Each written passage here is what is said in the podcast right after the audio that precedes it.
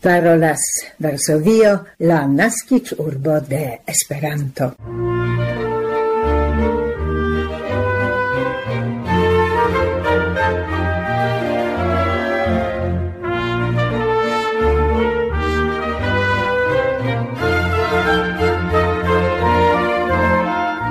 Koran bonvenon gesnioroj en la 1290 oca Esperanto el sendo el Varsovio la tridekan de januaro 2012 kvar Barbara Pietrzak, Milada Szwedo, Pamela Krzypkowska kaj Maciej Jaskot proponas al vi komenci aktualaĵojn kaj sciencbultenantemon, ĉifoje Dedicitan, al sukcese testata en speciala folio protektonta birdojn contra vitraj muroj retejo ege de februaro deziras havi generalan direktoron kaj ĉi-rilatan alvokon vi aŭdos sekve. La dudek sesan de januaro pasis la naŭdek kvina treveno de redaktorino Ada Figiera Sikorska. Tiu kuntekste ne memorigas nian arkivan interparolon – con tiu fama redaktorino de Heroldo de Esperanto el 1994. Ci foje ne pri la redaktado au pri siei dum militei sortoi, sed pri sia identeco de Polino de Esperantistino. Komence bonvolu aŭskulti aktualaĵojn.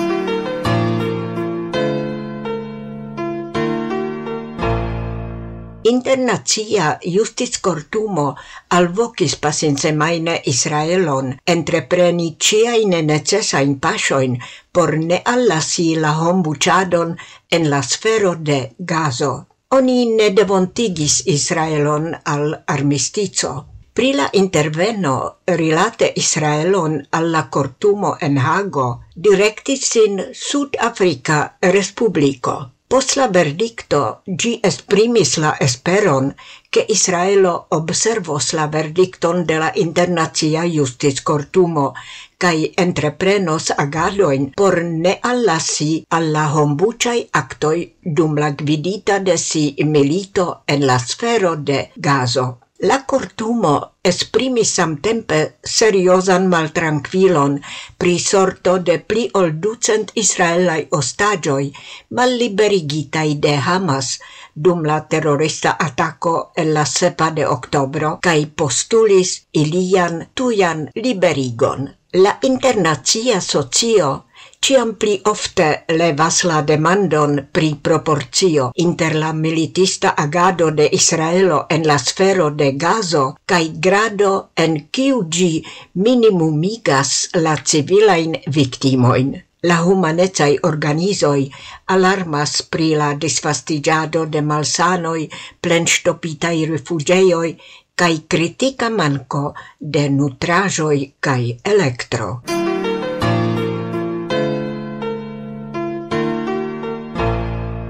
ecde la 1 de januaro 2024 ec validis en Pollando plasta imposto. Gi celas limigi la foruzon de plasto en ciam pli granda skalo poluanta la medion. Buticumante au acetante porciumitan mangion, cliento devos pagi de dudec gis dudec quin groshoi pro ciu plasta pacumo. La imposto chargas consumanto consumantoin, tamen entreprenistoi devos realigi la iaran normon de reciclado. La nova imposto altigos ancau generale la presoin, char giri latas al la tuta proceso administri la plasta in forfalajo in. Crome la firmao posedantoi devas retiri de sur la mercato tiain plastain varoin, kiele plastai trink tubetoi, mangilaro, higienai bastonetoi, teleroi kai nutrash pacumoi.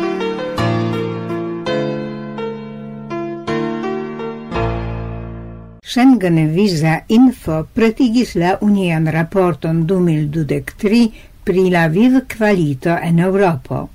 Quancam la contento nivelo estas malpli alta, compara alla donitajoi el 2019, generale la pritaxoi estas altai. La esploro concernis 83 urboin en la Europa Unio, en la landoi de EFTA, Europa Asocio de Libera Comerzo, Britio, Occidenta Balkanio kai Turkio.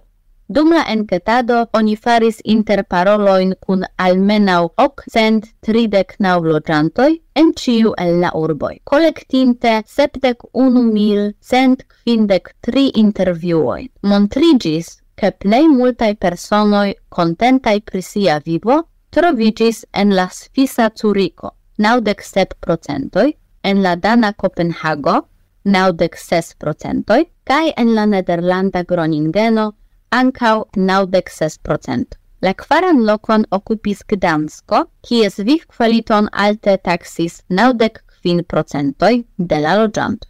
La uvicain locoin en citiu listo occupis Lepsico, Stockholmo, Genevo, Clujo, cae Braga. La autoroi de la raporto reliefigas mal pli grandai urboi estas consideratai kiel pli taugai por personoj iom agiai, kaj por familioj kun infanoj. Iliaj logiantoi sentas sin en ili pli securai, ili alte taxas sekurecon, tranquilon, pli atrakciajn loĝaj prezojn kaj pli bone funcciantain san protecton kaj lokan administracion. El la raporto oni exciis ankaŭ pri urboj kies vivkvaliton iliai loĝantoj taxas tre negative. Al ili calculigas Palermo, Ateno kaj Stambulo, Tirano, Neapolo kaj Beogrado, Romo, Skopje, Miskolc kaj Podgorica.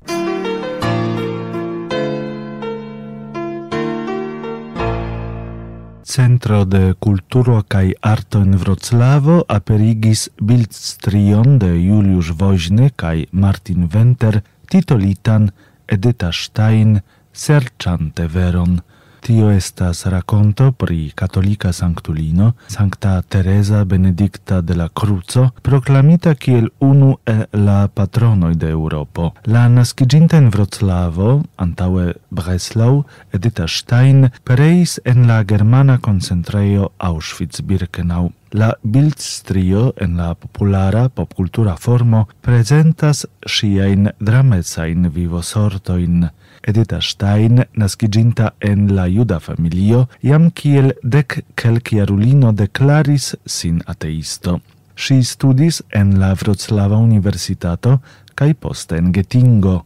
Edita Stein gvidis tre riĉan sciencan agadon, unua vice filosofian, comence concentrigiante pri fenomenologio, poste comparante gin cun tomismo.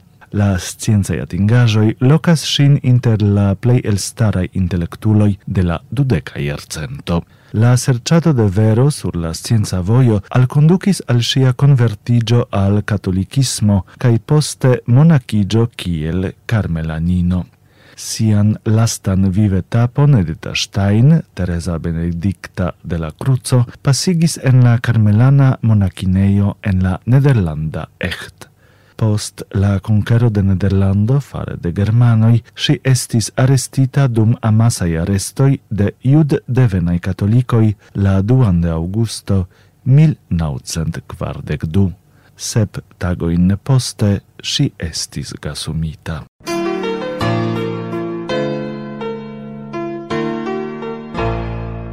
Parolas Varsovio en Esperanto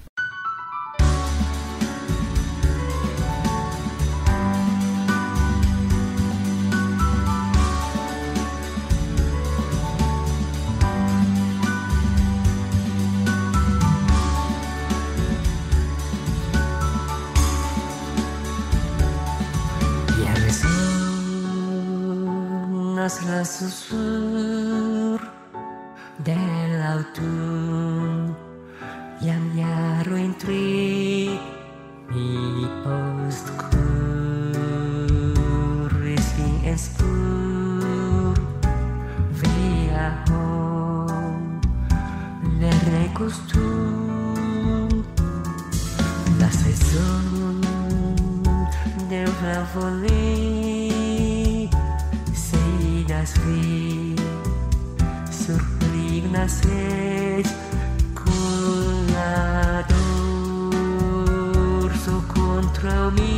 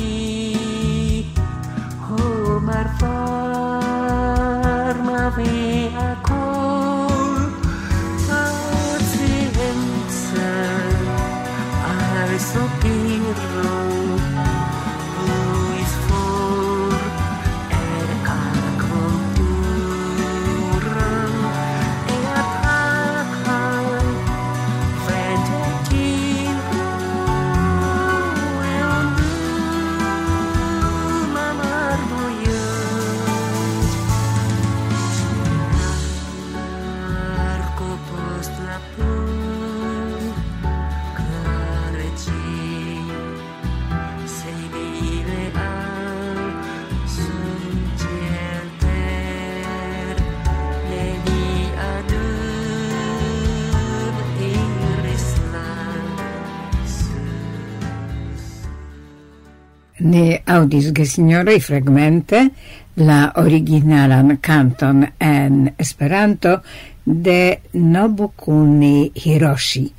Iris la susur. Varsovio daurigas la Esperanto elsendon.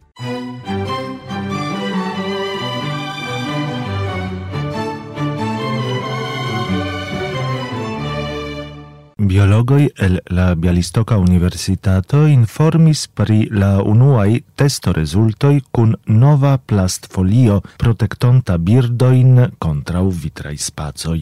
La testado estis la rezulto de la kunlaboro inter la fondajo Vitraj Embuskoj, la austra organizajo Bird Shades kaj la firmao kaj la firmao Unidevelopment SOA. La colizioi de birdoi contra la vitrai muroi consistigas globscalan problemon. Nur en la Nordamerico, kie oni intense esploras la problemon, pereas jare de cent milionoi gis ec unu miliardo da birdoi, kiui colisiis exemple contra la vitromuroi de modernai office plueta giuloi. La testata en Bialistoco speciala plastfolio provisita per uvo enhavas regule ripetigiantan desegnon, kiun bone vidas birdoi, kvankam gi ne estas videbla de homoi. Gi povos farigi alternativo por glueblai strioi cun nigrai punctoi, kiui ec se efficai damagas la esteticon de exterai muroi de construajoi. Al Bialistoco oni liveris tricent quadratain metroin de la testota plastfolio. La unuan foion oni usis gin en Europo sur tiom granda spazio. Gi estis utiligita sur la exterai muroi de la matematica facultato de la Bialistoca Universitato, cae la unuai resultoi estas positivai, quancam por declari firman opinion estas necesa kelk sezona testado. Krome oni volas exameni ĉu la noveca plastfolio efikas rilate al divers speciaj birdoj ciu case, in Bialistoco ni constatis che in la iaroi 2012-2021 et unu quarono de la mortai birdoi sur la terreno de la universitato pereis en la secfo de colisio contra la vitrai muroi. Post la uso de la folio, tiu el cento malcrescis gis dec procentoi.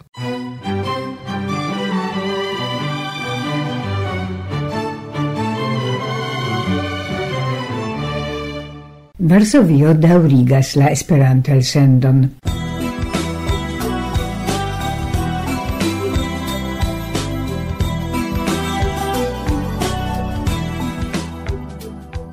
por plibonigi kai profesiigi sian administradon kai mastrumadon, Teo decidis crei ec de februaro la postenon de generala directoro. La limdato por la candidatigio pasos la trian de februaro. Alla tascoi appartenos prisorgado de librotenado cae ciutagai finanzoi de la organizo, la rilatado cun nederlandai instanzoi ordigado cae prisorgado de gravai documentoi, pli profesiigo de la interna administrado, plenumo de gvida rolo ene de la teio stabo cae prisorgado de horo tascoi, proxima collaborado cun teio estraro, volontuloi cae officistoi, eventuale surloca cun ordigado de la ESOCO volontuloi. Por candidatigio necessas havi profundan sperton pri la interna funcciado de teo, capablon lerte labori memstare, autonome cae mem motivige, havi sperton capablon cae comprenemon por labori ene de internazia teamo, havi la raiton labori en stato de la Europa Unio, koni kai aktive kompreni la celoin kai agat planoin de Teo, esti preta ce esti eventoin de Teo kai fari foiain visitoin al Rotterdamo, havi la capabloin zorgi pri diversai devoi cae prioritatai tascoi. Detala annonzo troveblas ce la adreso teo.org obliquo directoro du nulo du quar obliquo.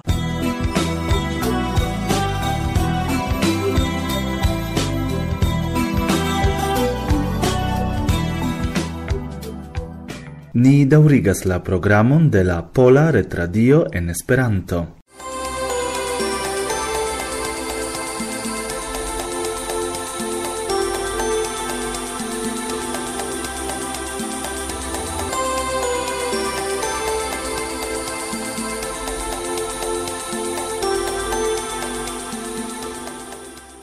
Nur anto calcai tagoi pasis la naŭdek kvina naskiĝdatreveno de conata redaktorino de Heroldo de Esperanto Ada Figiera Sikorska, kiu siajn in sortoin prescribis en rememoroi de taigo gis minaretoj.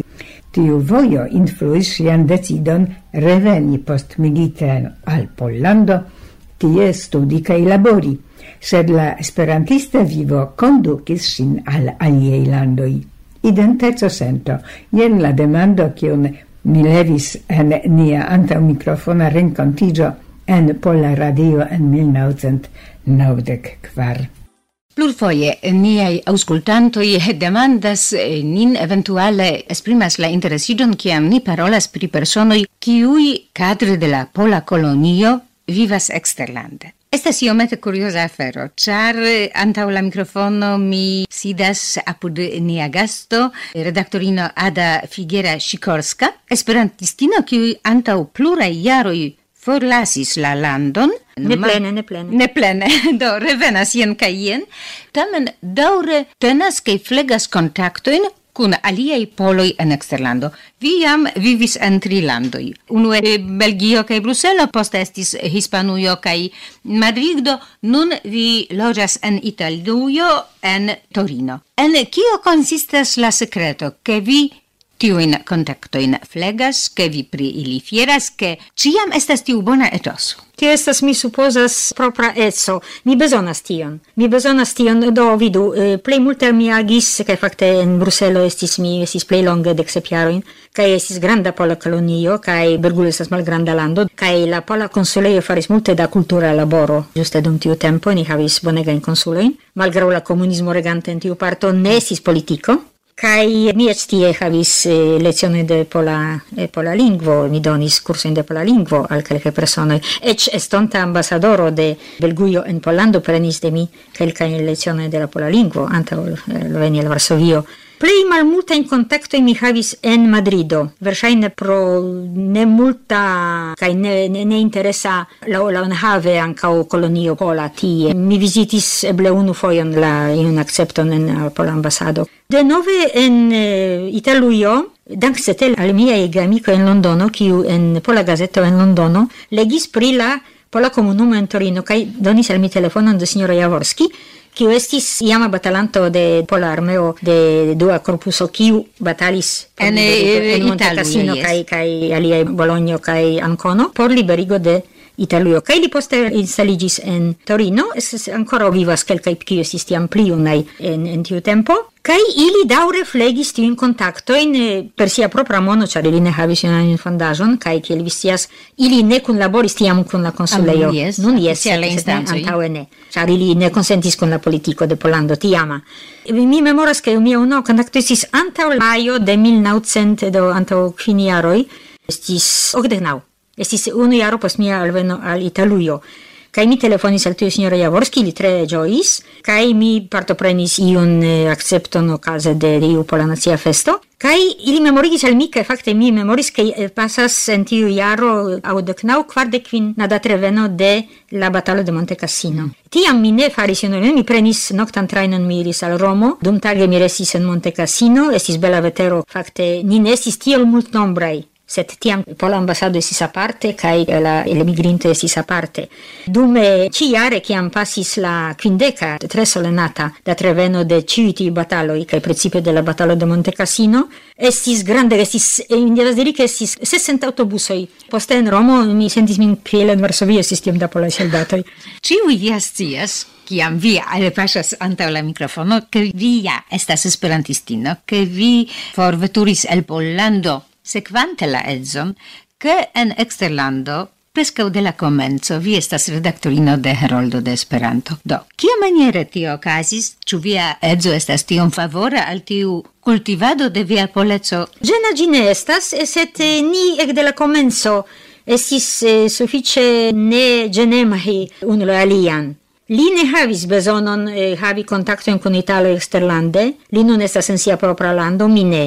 Kaj li respektas tion, Tio quasi fontis el via koro, ĉar samtempe ĉiujare vi estas en Pollando. Yes. estis jaro kiam vi forlasus la okazon reveni por somero exemple. Yes, okazis unu fojon. Unu fojon tio. Pro la milita stato, okdek du. Tiam mi invitis mian fratinon veni ce mi. Ciu si povis tiam veni? Yes, char tiam tre proximai familianoi presco subite ricevis pasporton. Kion donas al vi tiui kontaktui kun aliei po? Gioion gioion kai fakte mi havas tion bezonon. Sed vi estas persono kontaktema, vi havas ankaŭ multajn kontaktojn kun esperantistoj en la lokoj en kiuj vi loĝas kaj ankaŭ kun aliaj. Jes, kaj mi devas diri, mi devas diri ke fakte kiam mi shangis la landon trasloquigiande, la unue contactoi con la lando estis pere de esperantisto. Mi supposas che mi, kiel esperantistino, havis grandan faciletzon adaptigi alla lando pere de esperanto.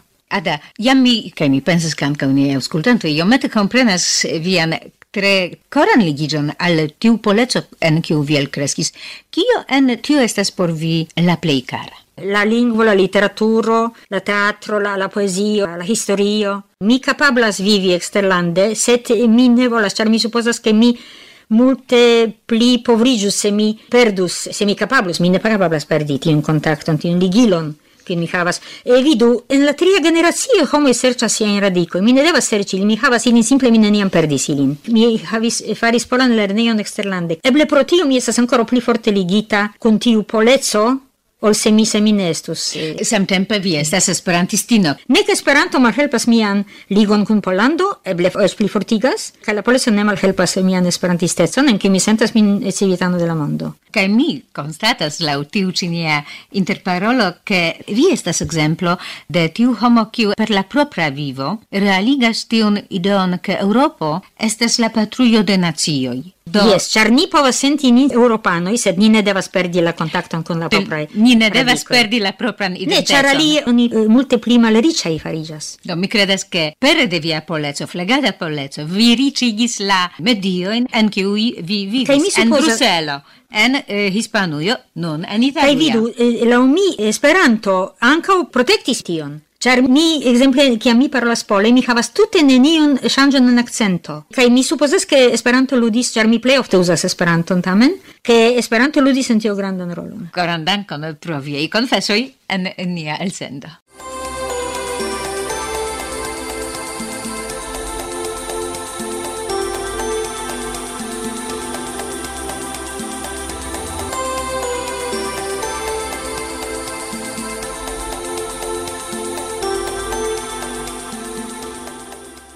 parolas Varsovio, la naskiĝurbo de Esperanto.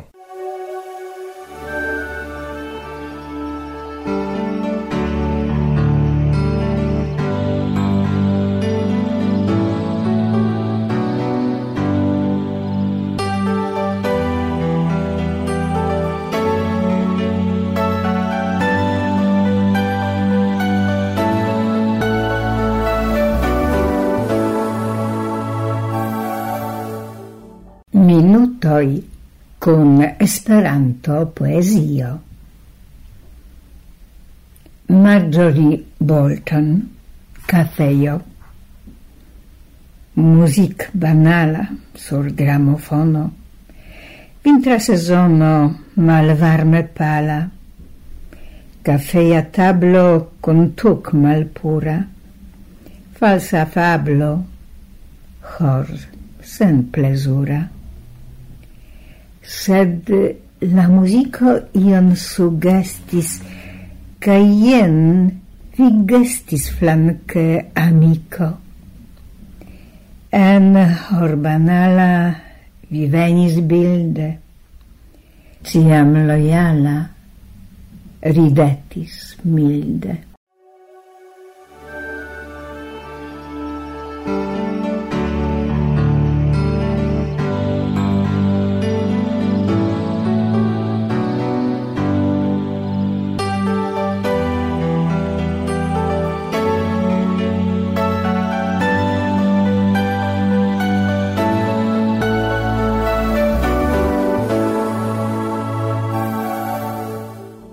Caraj auscultantoi, nia 1290 Esperanto elsendo de la Polare Tradio en Varsovio proximidis alla fino. Nun ni invitas jam por la sekva elsendo kun la espero legi viajn komentajn mesaĝojn kaj opiniojn ĝis la raŭdo, sinjorinoj kaj sinjoroj.